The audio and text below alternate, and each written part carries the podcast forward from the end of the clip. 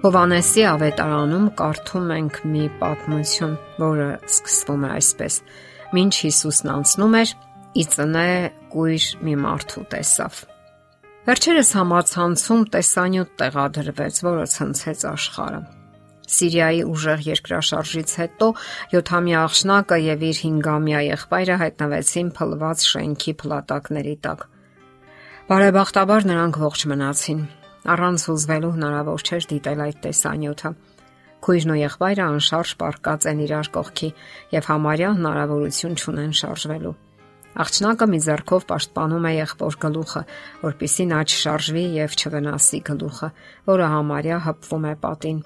Նա ճպտում է օգնության հասած փրկարարներին, խնդրելով, որ փրկեն իրենց։ Խոսելու ընթացքում նա քնքշորեն շոյում է եղբոր գլուխը։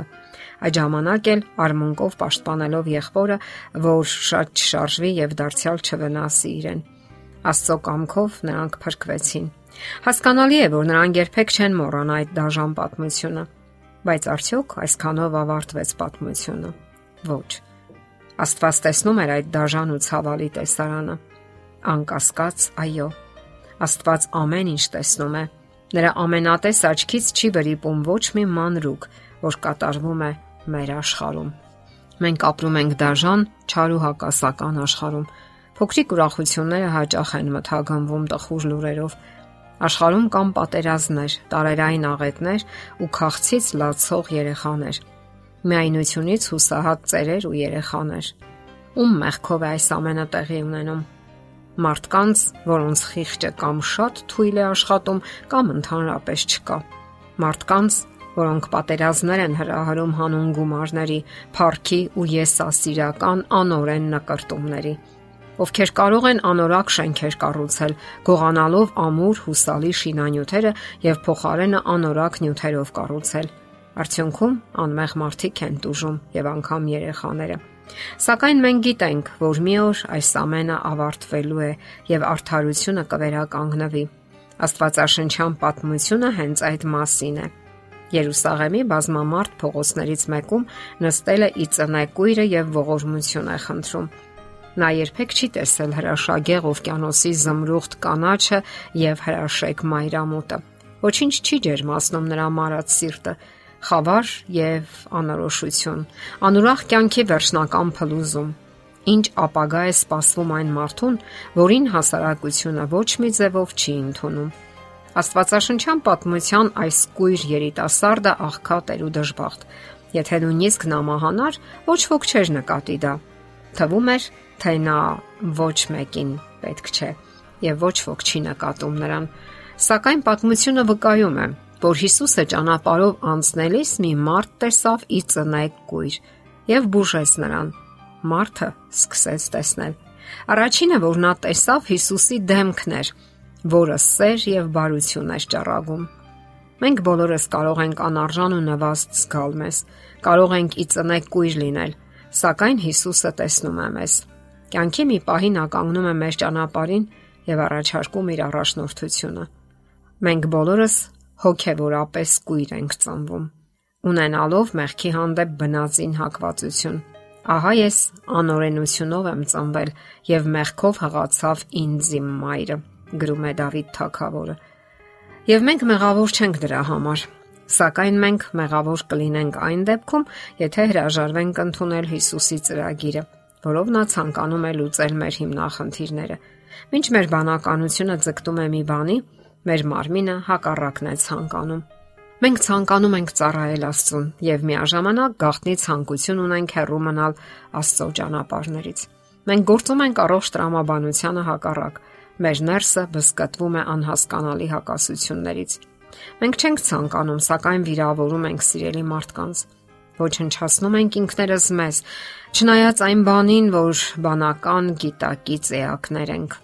Մենք պարզապես կույր ենք հոգեվորապես քայլում ենք խավարի մեջ։ Մենք վախենում ենք ամեն ինչից, բոլորից եւ նույնիսկ ինքներս մեզնից։ Սակայն Հիսուսը հետաքրքրվում է մեզանով։ Նա անտարբեր չէ մեր կյանքի հանդեպ։ Նա թողեց ամեն ինչ, որ գա մեր աշխարհ եւ հանդիպի մեզ։ Նա որոնեց այնքան, ինչև գտավ մեզ, թակեց մեր սրտի դուռը այնքան, ինչև բացեցինք նրա առաջ։ Մենք ապրում ենք հիվանդ աշխարհում։ Շատերի մարդկային կերպարը աղավաղվել է սպիրտային խմիչքներից, անառակ, անօրեն կյանքից եւ ված սովորություններից։ Մարտ էակը հաճախ նման է խղճուկ ծաղրանակարի։ Մարդու բնավորությունը փոխվել է, աղավաղվել թերարժեքությունից եւ ստացած վիրավորանքներից, ծաղրանքներից ու նվաստացումներից։ Այդ վերքերը օր ու գիշեր նվում են եւ թույլ չեն տալիս, որ երջանիկ լինենք։ Իսկ երբեմն էլ մարդիկ համարցակվում են ձեռք բարձրացնել իրենց վրա, որովհետեւ այլևս ոչ մի լավ բանի հույս չունեն։ Շատ բան կարող է պատահել մեզ հետ, սակայն ոչ մի բան անկարելի չէ Հիսուսի համար։ Նա միշտ պատրաստ է ուշադրություն դարձնել մեզ։ Ամբողջի մեջ նա տեսավ աղքատ ու խեղճ կույրին, Նա տեսնում էր փոքրիկ աղջկա տարապանքն ու փոքրիկ սրտիկի մեծ սերը իր եղբոր հանդեպ։ Եվ կգա ժամանակը, որ Աստված կհատուցի այդ ամենի համար մեղավորներին հավերժական մահ եւ կորուստ, իրեն սիրողներին եւ իրեն դիմողներին հավերժական կյանք։ Չմտածենք անգամ, որ նա երբևէ չի կանգնի մեր ճանապարհին։ Որտեղ էլ լինենք, հիվանդանոցի մահճակալին թե ճանապարհին, մեր բնակարանի սիրտ ճմլեսնող լռության մեջ, թե աղմկոտ ծովափին, թե փլվող շենքի փլատակների տակ, մենք ամբողջի մի մասնիկը չենք parzapes Հիսուսի համար։ Նրա աչքը միշտ մեզ վրա է։ Նա հոգում է մեզ համար։ Նա գիտի մեր բոլոր երազանքները, տագնապներն ու տարապանքները։ Նա տեսավ գույրին, տեսավ փոքրիկ աղջնակին ու նրա եղբորը։ Կտեսնի նաև քեզ։ Նա գիտի թե ինչպես է տարապում մարդը եւ որ ամենագլխավորն է սիրում է մեզ։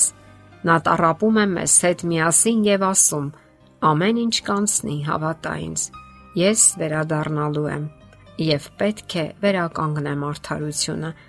այն արդարությունը, որ չկա աշխարհում։ Եթերում է ղողանջ հավերժության հաղորդաշարը։ Հարցերի եւ առաջարկությունների համար զանգահարել 033 87 87 87 հեռախոսահամարով։